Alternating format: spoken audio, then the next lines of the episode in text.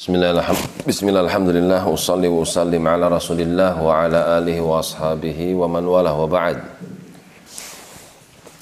Masih di dalam surah As-Saffat sampai pada firman Allah Ta'ala tentang Yunus alaihissalam. Wa inna Yunus laminal mursalin. Dan sesungguhnya Yunus alaihissalam termasuk golongan para utusan-utusan kami.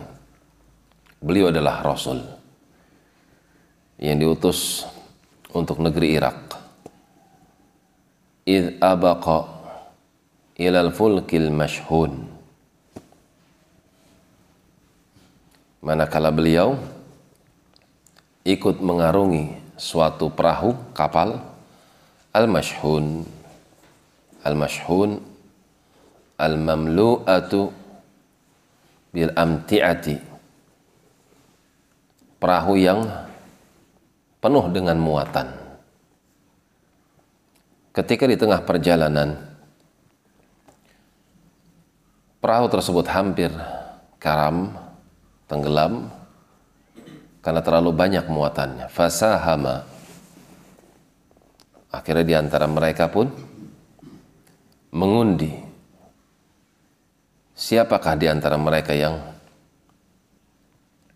layak untuk terjun ke laut? Fakana minal mudhadin mereka paham kalau Yunus alaihissalam adalah orang yang soleh kan itu ketika diundi ternyata keluar nama Yunus. Diundi kembali keluar lagi nama Yunus. Dikeluarkan lagi diundi kembali. Ternyata yang keluar nama Yunus alaihissalam akhirnya beliau dengan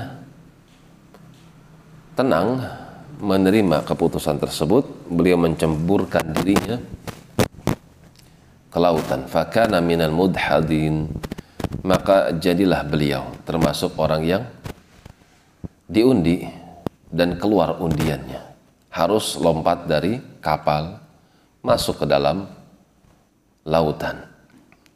Faltaqamahul hut namun tidak disangka di sisi lain Allah utus semacam ikan yang paling besar, semacam paus untuk menyambar Nabi Yunus alaihissalam. Wahuwa mulim dalam keadaan beliau sedih. Falaula annahu kana minal musabbihin. Kalau bukan tasbih yang dia ucapkan, yang dia biasa bertasbih dengannya.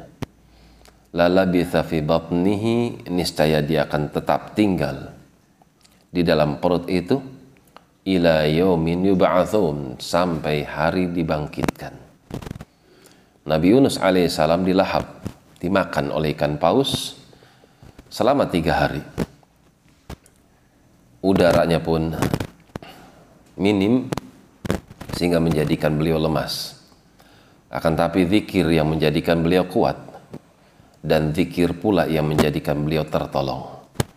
Falaula annahu kana minal musabbihin. Allah sebutkan sebabnya dulu. Kalau dia bukan termasuk hambaku yang suka bertasbih, tasbih diartikan solat di sini. Sebagian para ulama mengartikan tasbih adalah solat. Sebagian mengucapkan subhanallah namun dalam riwayat yang lain disebutkan la ilaha illa anta subhanaka ini kuntu minal zalimin. Itulah tasbihnya beliau. Kalau dia bukan termasuk hamba kami yang suka bertasbih, niscaya perut ikan paus tersebut akan menjadi kuburannya. Maka di antara sebab datangnya pertolongan adalah seorang memperbanyak tasbih. Bisa tasbih dengan zikir-zikir atau dengan sholat wasta'inu bis sabri was. Demikian wallahu taala alam bis.